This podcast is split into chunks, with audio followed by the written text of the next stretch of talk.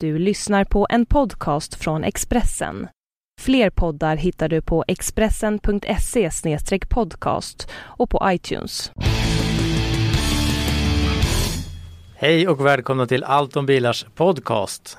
Jag vet att några kollegor i podcastvärlden håller väldigt noga ordning på vilket avsnitt de spelar in, men det lämnar vi därhän. Det har vi ingen aning om, i alla fall inte jag. Men, jag tror det är 19 eller 18.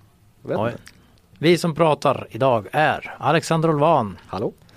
David Jakobsson är tillbaks. Hej. Och jag heter Jan-Erik Berggren och eh, ni hittar oss som vanligt i magasin, nyhetstidningar, på webben, på Facebook och här i vår podcast. Idag ska vi prata om en hel del olika saker. Det handlar om mobiltelefoner, eh, dödskrascher och eh, lyxiga bilar bland annat. Vi kommer aldrig hinna hela den här listan. Vi får se, vi får se vad vi hinner beta av eller? Vi börjar i alla fall. Eller ska vi prata jättefort idag? Vi kör en Granqvist kanske. Prata jättefort. Okej, okay, då börjar vi köra nu. Vår radiokollega Granqvist fick ju Stora Journalistpriset för några dagar sedan. Så mm. vi får säga grattis.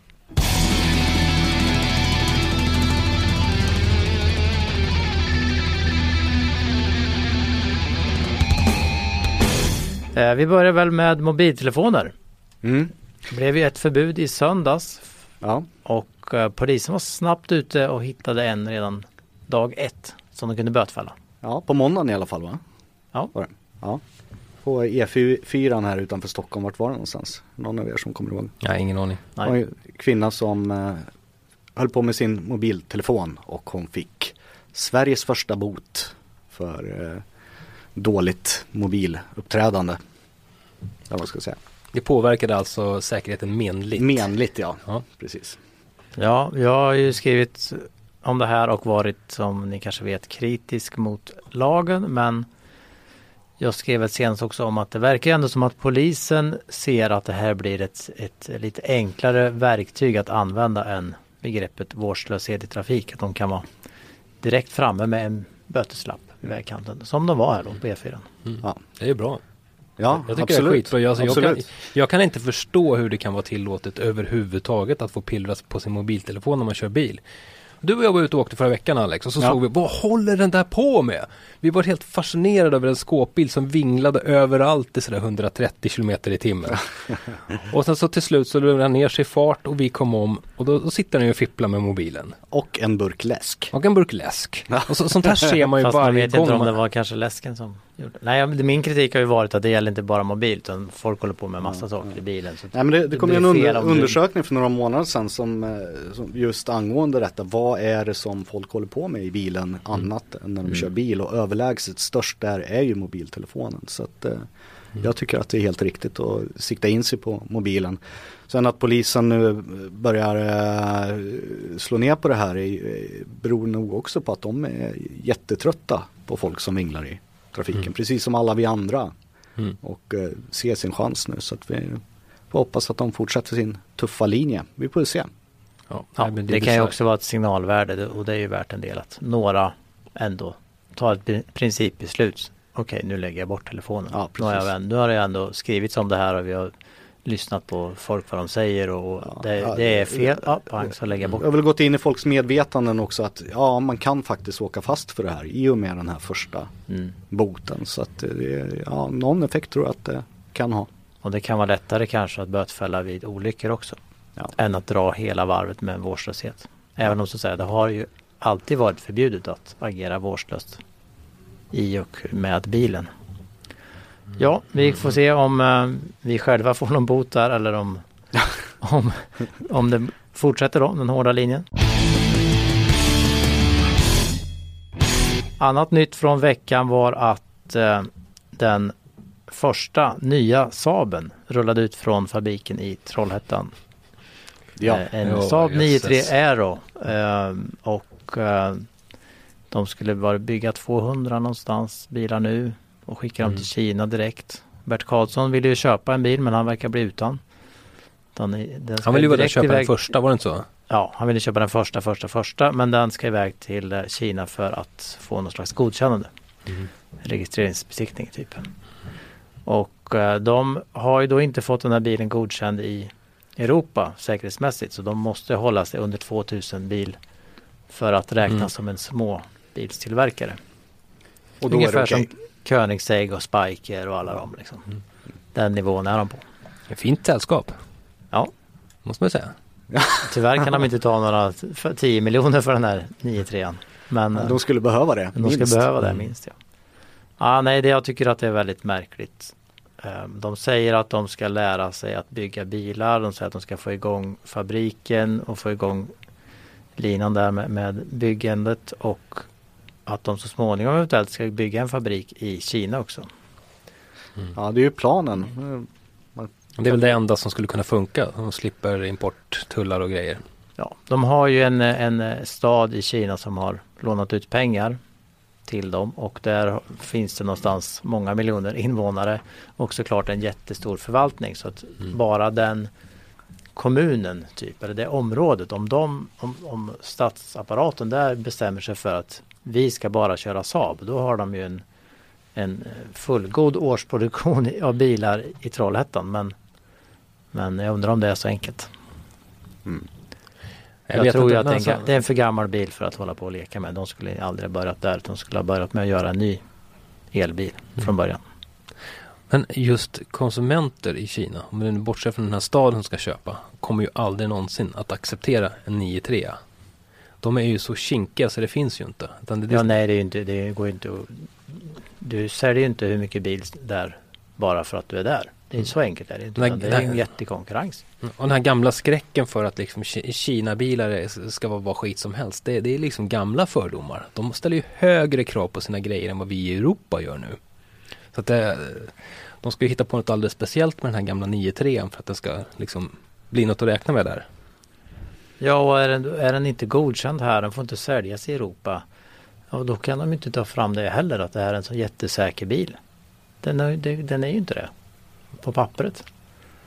Så det finns, det finns egentligen ingenting som talar för att det här ska lyckas och ändå så, så rullar det på. Liksom. Mm. Ja, men sen när den här bilen kom första gången så var den ju eh, en jättetrevlig bil på alla sätt. Så jag, jag, förstår ju att det finns en väldig massa Saab-entusiaster som tycker att det här är härligt och roligt med en sån här bil. Men det är ju liksom historia, bilhistoria. Man måste vara ganska hardcore entusiast för att knalla iväg och köpa en sån här bil för 280 000 kronor. Som ja, eller 600 vad de kommer kosta i Kina. Ja. ja. ja. jag har skrivit det här på min blogg och fått, fått många reaktioner och igår gjorde jag en uppföljning och jag tänkte att alla nu som har varit så eh, negativa till mitt inlägg och entusiastiska över Saab ska självklart höra av sig till ledningen i Trollhättan och beställa en ny bil för att eh, ni verkar tycka att det här är en jättetrevlig bil att köra runt i. Så lycka till med det.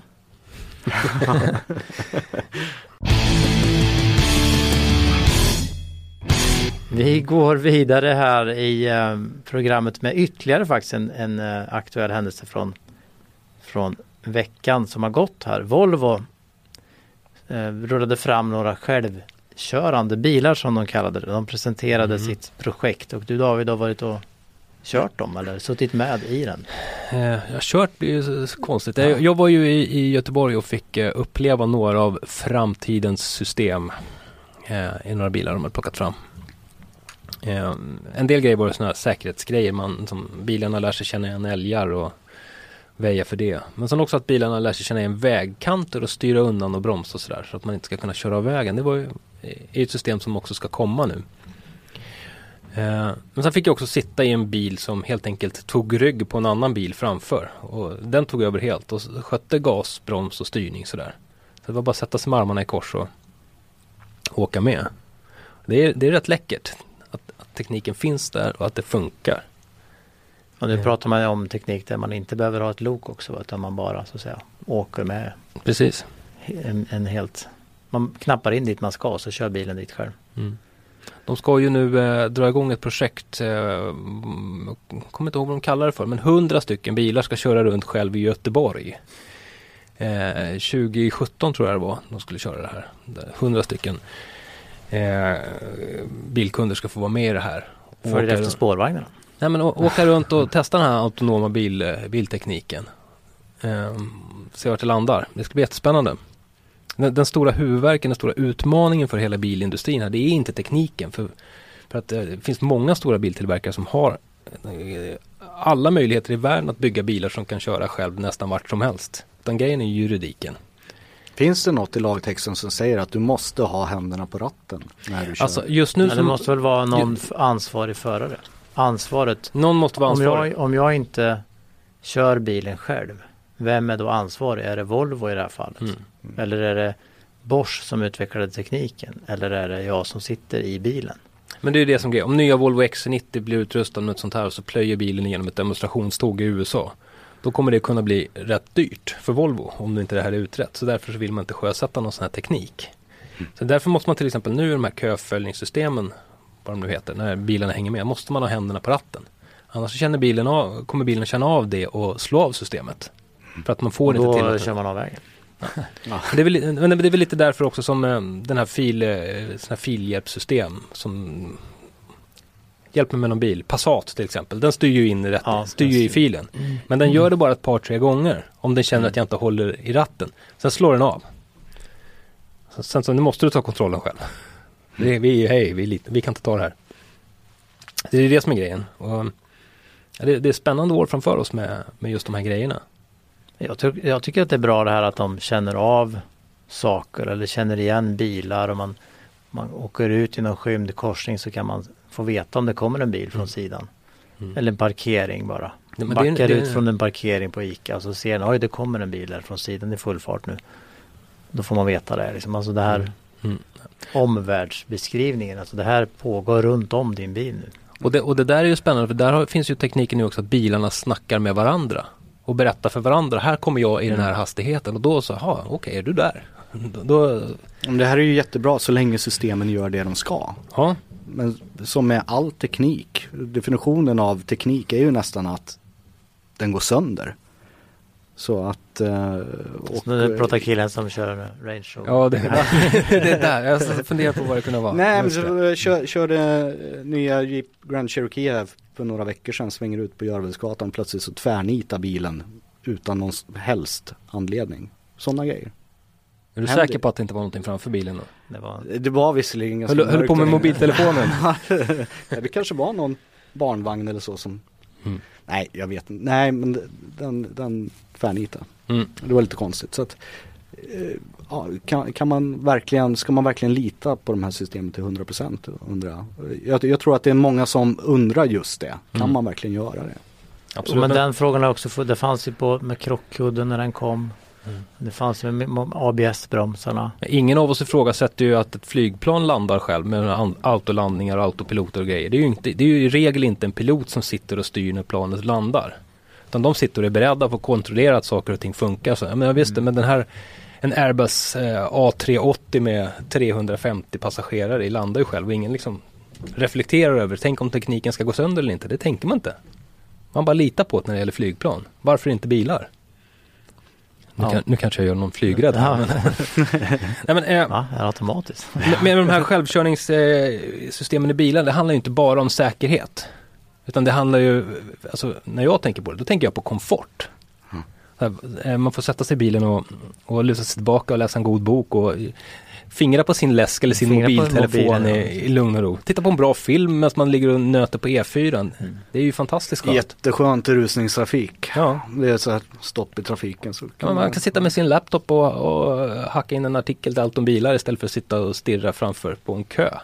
Det är fantastiskt. Och sen en annan grej, miljön också. För att de här systemen kan ju lära sig att köra betydligt miljövänligare än vad vi kan.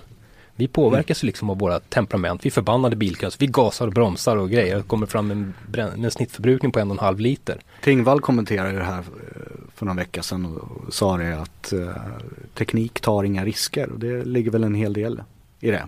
Mm. Så att, uh, ja, det, det blir inga omkörningar vid möten. Nej. kan man ju räkna med. Och om det blir det så har de räknat ut att det ska gå. Ja. inga, inga så här, oh, vilken tur. Ja, nej, men det här blir, blir jättespännande. Ja, vi kom in, vi var inne lite på Volvo där. Ska vi dra en, de fick en, en eh, skräcksiffra från USA nu i, i morse. Ja, var minus 30 procent sålda bilar jämfört med november förra året. Mm. Ja, de rasar mest av alla tillverkare i mm. USA. Mm. Så att, uh, Ja, det är, de har ju själva sagt att de ska göra en uh, comeback i USA. Återerövra Amerika tror ja, jag. Och uh, Anders Gustafsson, Volvo Sverige-chefen har ju varit över i USA i höst för att lära dem hur de ska sälja bilar. Och uh, de har bestämt nu att V60 ska lanseras i USA i vinter redan. Mm. Som Volvohandlarna i USA skriker efter en V60. Och um, ja, de väntar ju väldigt mycket på nya XC90 såklart. Mm. Jag vet Volvohandlarna vill också ha V40 eventuellt. Så um, ja, vi får se det. De har mycket, mycket att göra framöver här. Mm. Nej, får de inte till en med XC90 sen i USA då, då är det nog kört där borta. Ja, kanske eller om de snabbt hinner fram med en annan, en annan modell. Mm. Sen det andra marknader jag fick höra här i veckan att att eh, de i Australien, Oceanien så är det bra. Australien hade 50% V40 bilar. Så det, vissa bilar så går ju bättre och så på marknader som är lite bortglömda. De har ju fortsatt problem i Tyskland som är en svår marknad. Men de är ju väldigt starka, deras egna märken. Um, ja. Jag, jag, kan inte förstå varför Volvo inte har byggt en riktig MPV för USA. Eller en riktig pickup. Tänk en pickup byggd på gamla XC90 med V8 i. Mm. Eller en MPV, en riktig MPV med alltså, stora utrymmen och sen så Volvos uh, image av säkerhet och de har ja. liksom Ja, de, de, det, gick ju, det blev XC90 som blev liksom Han skulle bli, så, fotbollsmammornas bil. Ja men den funkar ju inte som det riktigt. Så det, det, var väl där de skulle haft en Grand Voyager eller, eller ja, men typen, precis. fast kanske lite mindre. Fast bra. Ja. Grand Voyager fast bra skulle de bygga. eller eller uh, Fords uh, C-Max variant mm. kanske. Eller. Det kanske kommer på nya chassit. Det, de får ju alltid den frågan om de här MPV men de, de duckar hela tiden. Alltså, nej, det är inte, det är inte vi liksom. Det är inte och pickuperna fattar jag inte heller. De har ju Volvo Trucks och Volvo, Volvo Cars. Ja, ja. Vi skulle göra en extra lång version av XC90 där i staterna. Kolla bara på hur gigantiska Suburban och sådana Det gör de säkert ändå till Kina. Ja, Next det som kommer hända då närmast som sagt är att de ska börja med V60 bilsalongen i Detroit. Där ska de visa en konceptbil som är två av, av tre som ska komma. Det blir väl ytterligare en i Genève mm. och eventuellt då samma i, i Peking framåt april och så ska nya bilen komma ut till uh, salongen i Paris i september. Så att de har några tuffa månader framför sig nu när de måste mm. göra allt för att hålla liv i försäljningen. Och XC90 kommer ju egentligen inte påverka nästa års försäljning alls utan det blir först 2015. Mm. Men eh, ny XC60 2014 eh, designen hoppas de väl väldigt mycket på. Mm. Den ser faktiskt betydligt fräschare ut än den gamla. Jag har inte kört den nya XC60 men eh, det ska vi göra nästa vecka va? Ja, den kommer mm. rulla in i testgaraget. Vi hade en dödskrasch i eh, helgen, blir det va? Mm, natten till söndagen. Ja, där skådespelaren eh, Paul Walker kraschade med en eh, Porsche utanför en bilverkstad i, i Kalifornien va? Carrera GT om ja. det ska vara en, en, en riktigt snabb bil. Mm. Han körde inte utan det var en kompis som körde, kraschade med en lyktstolpe, bilen fattade eld och han och föraren omkom direkt kan man säga. Mm. Ja, den här Paul Walker är då skådespelaren i, i Fast and Furious filmserien. Mm. Där han är en, en, polis i nummer ett i alla fall. Infiltrerar ett gäng som, eh, som eh, begår rån samtidigt som de kör mycket street race med bilar. Var han inte polis i resten av filmerna? Jo, det var jag, jag bara refererat till första. Han var någon polis ja. hela tiden. Men uh, Vin Diesel heter var hans motspelare kan man säga ja, i, i, serien där och han var ju, var ju snabbt ute och beklagade och sådär. Mm. Um, vad, vad, tycker ni om den här? Det, det, har växt fram en liten så här street racing kultur. Uh, kan man tycka. Det har ju funnits gumball och det finns lite andra. Det finns tv-spel som, som är mer street race uh, aktiga kan man säga. Alltså jag så måste... kommer den här grejen just att, att, de, att en sån Fast and Furious är ju väldigt, det är ju street race bara mm. egentligen. Och alltså, så händer ja. det honom då. Jag, må, jag måste vara lite sådär tråkgubbe här och tycka att bara själva ordet street race är lite märkligt. Eller? Racing på gator. Alltså, racing på gator, det, alltså, det har inte hemma riktigt på gator tycker jag. Det, det är såklart att det är risker, det är klart att det händer saker om man kör snabba bilar fort på vanliga vägar som inte är byggda för det. Det, det finns, inte, det finns inte en chans att det kan vara olycksfritt. Sådär. Jag, jag, tycker att eh, ska man köra sådär då, då är det en riktig bana som gäller. Det händer saker på banorna också men där, där är liksom ingen mötande trafik och det är inga, ligger ingenting på vägen plötsligt eller det dyker inte upp någonting från fel riktning. Och så. Inga lyktstolpar. Inga lyktstolpar. den här typen av race kommer ju alltid att finnas. Det spelar ingen roll ifall det införs så kallade lagliga alternativ då som det har snackats om mm. tidigare. Det är ungefär samma sak som att sätta upp en vägg för graffitimålare men här är det okej okay att måla. Det är, det är inte som, grejen med, med Nej, graffiti. exakt. Det, utan det är, själva grejen är ju att det är olagligt och spännande och, och häftigt just av den mm. anledningen. Så. Jag fattar ju också det där. Alltså, vi alla här har ju varit unga och, och dumma och vi var förmodligen inte Guds bästa barn när vi åkte runt på våra motorcyklar till exempel. Någon av oss. och vi har väl alla kört skiten ur någon sportbil när vi var lite för unga och lite för dumma sådär också. Men, men ändå jag vet inte, jag, jag tycker, jag, jag, vill inte liksom hacka för mycket på de här filmerna men någon, någonstans så, så ger de någon slags berättigande för den här kulturen och det blir någon slags det är som, eh, nu är vi inne på det här videovåldsspåret nästan. Ja, det, det, det jag känns vet, som jag att... hamnade där också när vi diskuterade ja, igår. Men... jag hatar sånt där egentligen. Alltså, men... Är det verkligen så att... Eh... Jag vet inte. Man sitter på kammaren och, och skjuter i ett tv-spel och så går man ut och skjuter någon. Eller man sitter på kammaren och racear i Need for speed ja. spelet och så går man ut och kraschar med sin Jag kan ju säga att jag har aldrig känt mig sugen när jag har spelat de här spelen bara, nej, ska testa, dra från snuten på riktigt.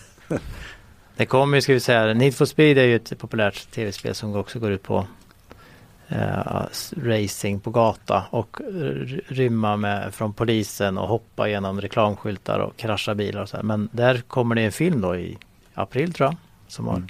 Mm. där den har premiär. Eh, som är egentligen en kopia på spelet. Mm. Nu ska, ska vi säga också att Walker, den här dödsolyckan, det, det var ju inte i samband med ett street race. Utan Nej, hade... det trodde många först. Och de hade, men de hade sett på bevakningskamera att bilen var helt ensam. Och eh, de, när de körde in i den här lyktstolpen. Så det kan, men det var, det, det, det finns ju bara den här kulturen växer fram kanske. Att det, mm. att det är okej. Okay. Och det, det går ju inte som du säger. I verkligheten så funkar det inte att, att ens försöka de här sakerna som gör, man gör på film såklart. Nej. Nej, jag säger inget mer för jag, jag, att jag bara blir tråkig gubbe. Du blir tråkig gubbe idag. Ja, jag vet inte. Jag kanske är en tråkig gubbe men jag behöver kanske inte låta som en tråkig gubbe. Vi kan komma, det här har absolut ingenting med någon, någon olycka att göra men, men, bara att jag kom på det nu. Drifting är ju en, en slags motorsportgren som växer mm. otroligt fort mm. och är väldigt populär och som körs under ordnade former på banor och avstängningar och publik och allt så precis som det ska göras. Men det har också lite drag av laglöshet över sig. De vill ju inte, vad jag förstått, inordna sig under Bilsportförbundet och Bilsportförbundet vill liksom inte riktigt ta i, det där riktigt. Men det är jätte, jättepopulärt. Mm. Det är nog inte bara banor som används tror jag. Det är en annan parkeringsplats där, där ja, det de driftas ganska... Så, men, ganska... det verkar som att de ändå inte mm. liksom ja, mm. det, är, det, är, inte så två bilar mot varandra hela tiden. Det, är inte, ja, det verkar inte så farligt som, en, som den här populära dragracing på, på en raksträcka utanför stan. Nej men jag tror att många som håller på med det, vi, ja, men de är nöjda med hur det är. De vill inte att det ska vara, bli någon officiell sport för det tar Nej. bort lite av liksom mm. auran runt, runt det hela helt enkelt. Ja. Mm. Och det kan man ju förstå. Ja absolut. Ja, det blir inte det här licenskrav, utbildning och uppkörning och pengar hit och dit. Och så. Ja, men det är en kul grej man bara sticker ut och driftar. Det är ja. bara sådär enkelt, bara ha lite kul. Och det kan man ju tänka med, med att sticka ut och köra en snabb bil jättefort också hur som helst. Det, men, nej, det går, det går inte att jämföra drifting och street racing, det tycker jag inte. Mm. Var bara när var det? Förrgår? Jag var ute och åkte i sakta mak på Drottningholmsvägen. Och då visslade förbi två stycken bilar. Eh, på varsin sida? Nej, det var det inte.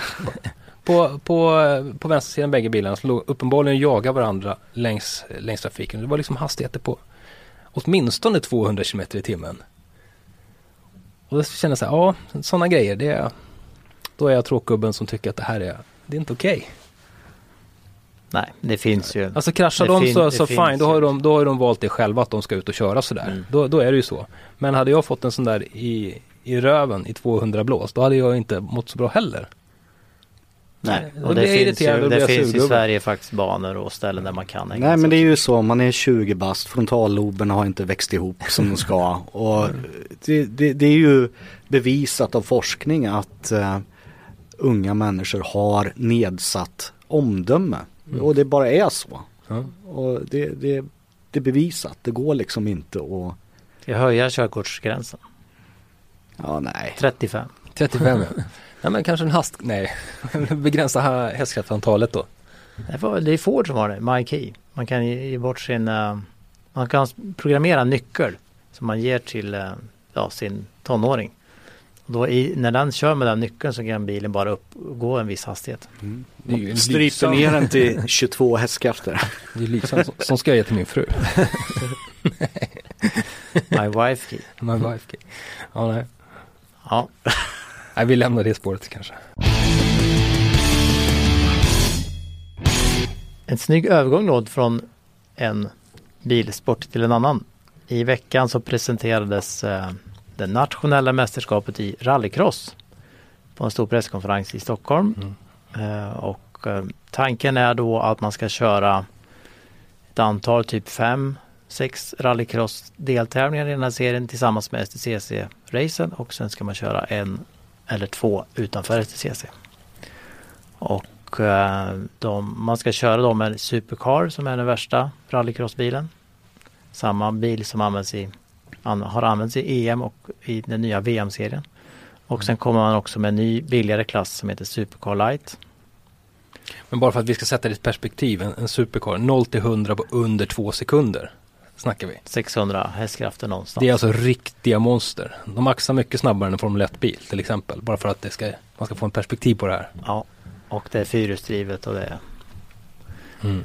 um, men eh, stora aktörer här då var bland annat Folkvagn som kommer med Johan Kristoffersson och Ole Christian Weiby, en nor norsk 17-årig kille som har kört tävlat med bil i um, sedan 2011, tre säsonger. Mm. Och är supertalang. Och han har då kört lite Har han rally. dåligt omdöme då? Ja. han har kört lite rally med Norge. Han har kört eh, Porsche Carrera Cup i år, racing. Och han har utvärderats då av Kristoffersson eh, Motorsport som att bli an andreförare i den här jättesatsningen som de gör på egentligen på sikt på VM. Mm. Johan Kristoffersson och den här Veiby hade båda målsättningen att de ska bli världsmästare i rallycross. Mm. Och bilsporten har ju bara fyra världsmästerskap. Det är Formel 1, touringbilar, eh, rally och nu rallycross som blir nummer fyra i år. Eller nästa år, 2014. det är spännande för hela motorsportvärlden verkar liksom snegla åt rallycrossen på något vis. Massa, ja, massa men... rallyförare som vill hoppa över och det är racingförare som vill hoppa över och det är biltillverkare ja. som vill flytta fokus från rally till rallycross. Och, det, det ja, händer någonting. Det händer, det är lite energi där kan man säga. Och, och Andreas Eriksson, den här entreprenören från Nynäshamn var med på presskonferensen och han har ju då sedan ett, ett antal år haft en stor verksamhet i USA. I, i Kalifornien vid Long Beach har de byggt upp ett, ett garage där och, och, tillsammans med Ford har de byggt upp um, hela X-Games satsningen som Ford, Ford har gjort. Mm. Och något som heter Global Rallycross som är en jättestor serie i USA. Där flera svenskar har kört. Eh, Patrik Sandell var där och körde. Och den här Sebastian Eriksson nu som kommer hem till Sverige och kör i, i Andreas stall. Eh, så att, och, och, han avslöjade för mig där på presskonferensen att han också är en av eh, dirigenterna bakom den nya VM-serien då. De har lyckats tvinga mer eller mindre FIA till att skapa den här VM-serien. Mm -hmm. Så att um, han ser liksom X-Games konceptet som är lite rallycross, lite mer show och så och sen Global Rallycross som är lite mer tävling och sen nu VM-serien. Och för att hjälpa svenska förare ut så måste det finnas en nationell serie också. Så då skapar man den här nationella SM i rallycross. Tror ni, vad tror ni om rallycross? Framtiden? Alltså Som jag, du säger Ramona Karlsson, rallyförare, så bytt från Vår bloggare också. Vår bloggare ska byta då och satsa på VM-serien. Mm. Alltså jag tror ju på, på alltså rallycross, om man ser på publik, eh, ett publikperspektiv så är det ju betydligt roligare med rallycross kan jag tycka. Mm. Så man är ute i skogen och tittar på, på, på rally till exempel så visslar förbi en bil och så får man vänta någon minut så visslar förbi en bil. Man har liksom ingen koll på man får ingen översikt. I rallycross är det ju liksom täta matcher hela tiden och du ser nästan hela banan och det går fruktansvärt fort och det är liksom lätt att bygga even, liksom, eh, evenemang kring det hela också. Nej men det är ju det som är hela grejen. Och det är ju, det är ju så mm. jänkarna alltid har gjort. Det är som du, en arena, häftig arena. Precis, mm. så att uh, absolut, det är jättebra. Jag, nej, stå ute i skogen och kolla på, precis som du säger, bilar som svischar förbi. Det, nej. Nu ska jag verkligen inte snacka skit om rally för jag tycker det är jättekul att titta på rally och det är roligt med, med folkfesten kring rallyt och, och allt sånt där. Det är, det är bland det roligaste jag vet faktiskt. Men just det, det är tätare i, i, i rallycrossen. Man måste kanske vara lite mer insatt om man ska kolla på rally för att förstå tjusningen. Det är lite som många säger Formel 1, det bara åker runt, runt och ingen kör om någon annan och det är tråkigt att titta på. Men när man vet man mycket och är insatt i sporten och vad som händer, då är det mm. intressant. Och det är lite samma med rally. Mm. Det är väldigt intressant om man vet liksom mycket bakom. Men rallycross kan man slötitta på. Man fattar liksom och det är de där sex bilarna och först i mål vinner och det, efter när någon har gått i mål så kommer det sex till. Mm. Um, Nej, jag gillar att se när saker händer där de händer. Speedway är en ultimat publiksport. Man sitter där med, med ett block och noterar poängställning. Ja, precis. Fylleri. Det är skitkul. Ja. block och termos. precis. ja. ja, men det är roligt. Mm. Ja, jag hoppas jag skulle få till en liten, vi får ju testköra den här Supercar Light-bilen. Den verkar jättekul att köra. Inte vanliga Supercar? Ja, den är kanske färre som vill låna ut. Mm. Och, det brukar vara medåkning, det, är inte man lika sugen på. Det är det värsta som finns. Jag har åkt medåkning i VRC-bil och sådär, det gör jag inte om. Du ska åka med Peter Hanser, var det så? Ja, ja, det återstår att se. ska åka, få åka med oss här. Ja. Nej men det ska bli spännande i alla fall med, eh, med satsningen på rallycross och som du säger det är många förare som byter, det är många, många bilbyggare som slår över lite grann från rally och mm. gamla rallycross-nissar som som Kristoffersson och, och, och Stinsen och, och, många andra uppe i Värmlandsskogarna där som, som nu mm. Får, får någonting att bygga till. Får något bra, en bra serie att tävla i. Men det, det bästa med det här det är att det faktiskt händer någonting stort inom svensk motorsport. Det har, det har ju varit lite, vad ska vi säga, ja. tillba, lite väl tillbakalutat kan man ju tycka. Det var lite så här energifattigt men det var ju inte så många år sedan de skulle satsa stort på rallycross SM senast. Men då var det en arrangör eller så en, en promotor som drev det. Nu är det, känns det som att pengarna och initiativet kommer från några stora biltillverkare och det, mm. då är det lite mer muskler och lite mer uthållighet. Mm. Det, här blir, det här blir också spännande att följa. Ja, du David har en spännande bil i testgaraget. Ja, det har jag. Det är svårt att stå här och babbla istället för att sitta där nere. Det står en Mercedes S400 Hybrid. Långa versionen står där nere. Ehm, ja, vad ska vi säga? Jag är kär i den här bilen. Jag vill gifta mig med den. Det, så enkelt är det. Den är ju... Den är ju fantastiskt lång. Den ser inte så lång ut på utsidan. Men den är den över 5 meter? Den är 5,35 om jag inte minns helt fel. Det är långt. Det är 9,5 fick ju kritik för att den kröp precis över 5 meters gränsen. Mm. Det här är, det här är en, bit, en bit till. Jag svängde förbi ditt hus häromdagen Jan-Erik och lät dig sitta i baksätet. Vad säger du om benutrymmet? Ja, det var ju nu ska vi först säga, Jan-Erik han har alltså ben lika långa som en älg ungefär. Så det, det, det krävs lite benutrymme i ett baksäte. Jag har ju suttit i um, Super, Skoda Superb som har, har väl bland det största baksätesutrymmet som vi har sett hittills. Men det här var ju, om inte ännu större, längre. Mm. Lite dyrare bil. Lite dyrare bil. Ja, lite kanske då. Så du, hade, du hade klickat i lite tillval och sådär? Jag kikade lite på vad den kostar. Grundpriset på den här bilen är 941 000 kronor. Mm. Och, alltså jag måste säga att jag tycker inte att det är dyrt för den här bilen. Man, folk betalar ju gladeligen 941 000 för vilken SUV som helst de skakar omkring i. Men det här är alltså, det är komfort i absolut världsklass. Man kan åka hur fort som helst och det är tyst och fint i kupén. Och, ja, det är mycket speciell upplevelse. Sen är det då att 941 000 räcker ju inte hela vägen när man väl börjar beställa bilen då. Det, eh, försökte ta reda på vad just det här exemplaret kostar och ja, det är väl nästan 1,3 miljoner det landar i. Lite sådana här Keyless Go paket 16 och 8 till exempel. um, hur kan man, hur kan man plus 25 och 9. Vad var det 900 spänn för askkoppen? det pockar på snabbt. Men det är en vilken Men fantastisk varför tar, bil. tar man betalt för Keyless system? Och varför tar alltså, man så mycket betalt för det? Det, det, är väl, det finns, du kan ju köpa en Nissan så är det standard. Liksom. Ja, men eh, de som köper en förlängd Mercedes S-klass vill inte ha Nissan. Och de skiter i att det kostar 25 ja, de, 9 det, är, extra. De, det, är inte de, det är knappt de som fyller i den där spesen heller. Nej men fyller i allt säger de och sen så uh, smackar det på. Och sen så går det här kvittas mot någon vinst någonstans så att det inte blir skatt på det. Men den är inte så snygg heller. Alltså, det oh, finns ju snyggare jo bilar för 1,4 miljoner, 1,3. Nämn en. Ja, vad, vad, vad kostar en Panamera? Kanske lite du mer. får ju inte en turbo då, men ja, den tycker jag i och för sig är jag som då älskar Porsche tycker att den är dretful. men den här sa ju inte mycket den här stackars Nej men jag, jag tycker men det, det, är, det, det är ju en lyxmersa. De får ju fram budskapet mm. med den där grillen. Det är ju inget att snacka om. Jag menar Snygg, jo den är absolut snygg men framförallt så, så ser den fläskig ut. Det ser mm. ut som en fläskig Merca. Mm. Och då tycker jag att då har man lyckats.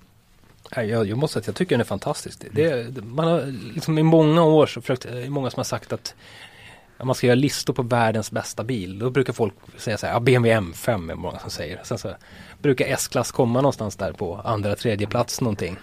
Ja. Och jag, jag måste säga att den är, det är inte många bilar som klår den här när det gäller hur trevligt, trevligt man kan Men, ha den med en bil. Är det som Mercedes säger, är det här världens bästa bil?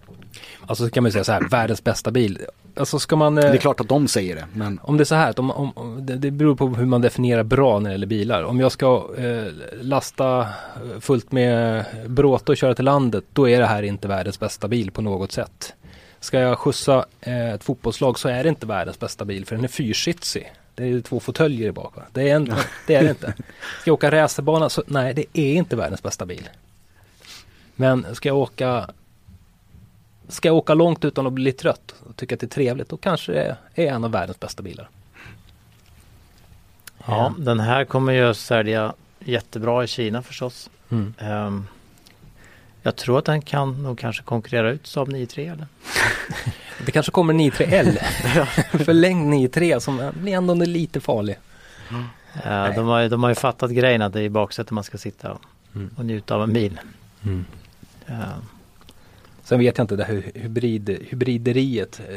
Det här är väl bilar som förmodligen kommer rulla ganska långa sträckor kan man tänka sig. Mycket motorväg eller? Nej, för inte i ja, Kina, nej, där kommer de ju studsa runt i städerna. Det, ja, det där är också för att få ner förbrukningen för att mm. På pappret i alla fall, inte den faktiska förbrukningen som den körs men på pappret så får man ner den och då får man ju ner snittet för hela Mercedes-flottan ja. och då mm. slipper man straffskatt från EU. Det är som Land Rover har lite panik med de siffrorna. Och Konstigt. Ska bygga lite, lite hybrider nu framöver. För att mm. Aston Martin gjorde sin Signet köpt den för en Toyota.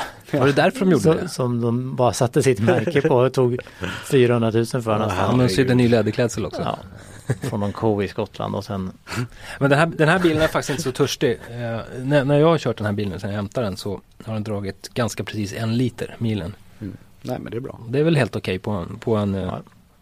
Två och en halv ton tung lyxraket. Du kan du plocka ja. ut en Lancia vilken som helst så då är det nästan där. Med en liters motorn där. Vilken vidrig bild det var.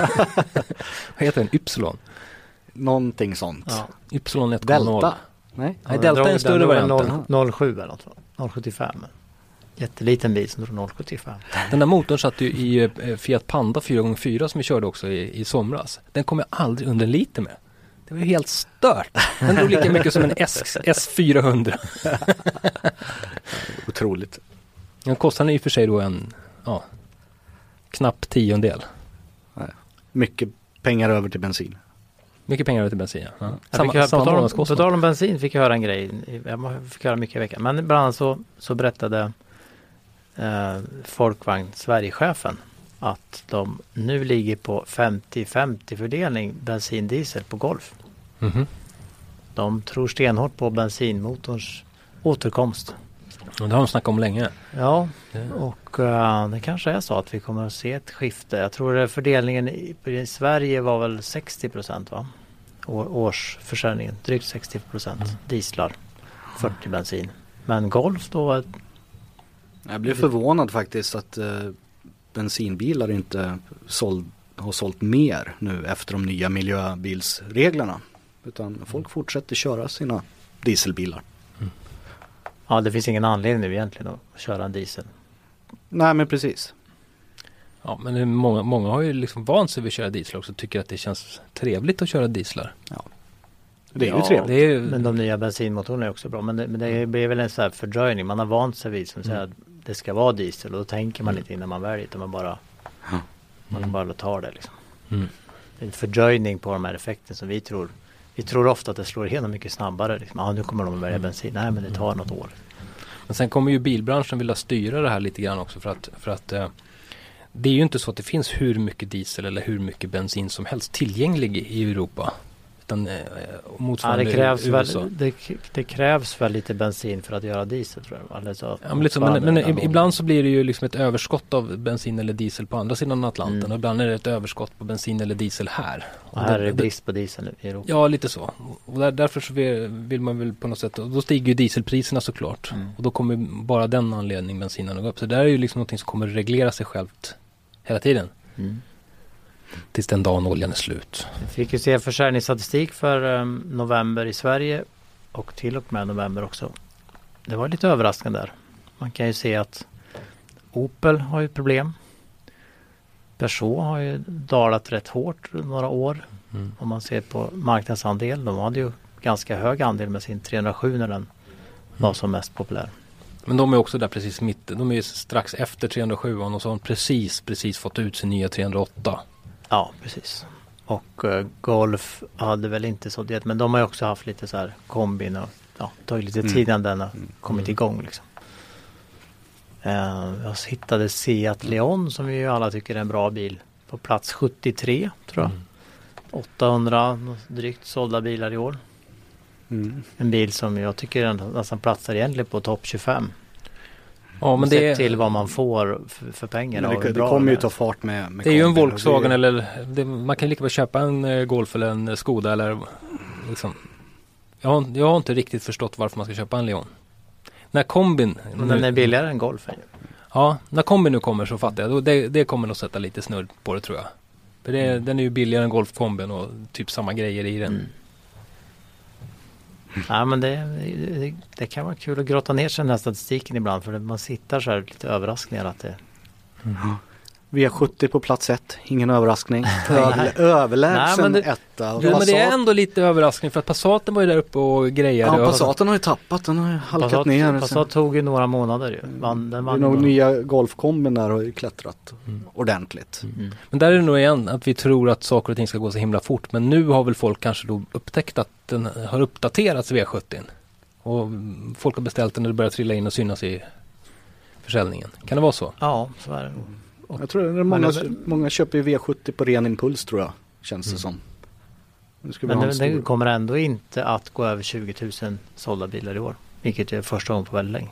Så mm. den, den, har ju ändå vikande trend så, även om den behåller greppet. Och V60 tar ju väldigt många V70-köpare tror jag. Mm. Och så hade de ju med V40 och XC60 där uppe i toppen. Så då, Folkvagn Volvo dominerar ju. Ja. Men sen är det så här konstigt att Kia säljer mycket bättre än Hyundai i, om du tar SID mot i30. Mm. Varför då? Det är ingen jätteskillnad på bilarna liksom. Nej men folk tycker väl att den är snyggare. Ja. Den har en, den har en uh, elakare front och den ser väl kanske lite coolare tycker väl mm. folk. Ja, jag tror de har starkare varumärke helt enkelt. Sverige. Märkligt. Kia. Det känns som det. Ja, märkligt. Ja men det är men sen har ju Volvo sitt, ett S i rockärmen här att de får ut sina nya motorer snart. VEA-familjen. Mm. Det kommer, kommer ju en ny D4 diesel till exempel som är alldeles grym. Grym motor. V70 med D4 diesel. Mm. Mest sålda bil 2014. Ja men det är väl ett tips. ja. Alternativt om inte V60 Jag skulle kunna sätta några kronor på det. Om inte V60 ändå tar sig om där. Det... Nej, nej, det gör, nej, det gör den inte. Jag tror att... att jag skulle välja en V60 med, med D4 diesel. Vad var det för förbrukning? 038? Ja, något sånt. Herregud. Nej, men en motor som är på 181 hästar tror jag. Och stark och fin och bra. Underbar motor att köra. Ja, ja. Kanske bäst just nu. Ja, vi kommer att uh, titta mer på 2014 såklart när vi är tillbaks nästa vecka. Ja. Tack för att ni lyssnade. Tack för idag. Tack, tack.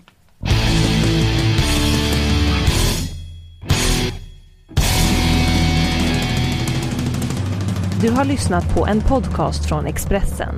Ansvarig utgivare är Thomas Mattsson. Fler poddar hittar du på expressen.se podcast och på iTunes.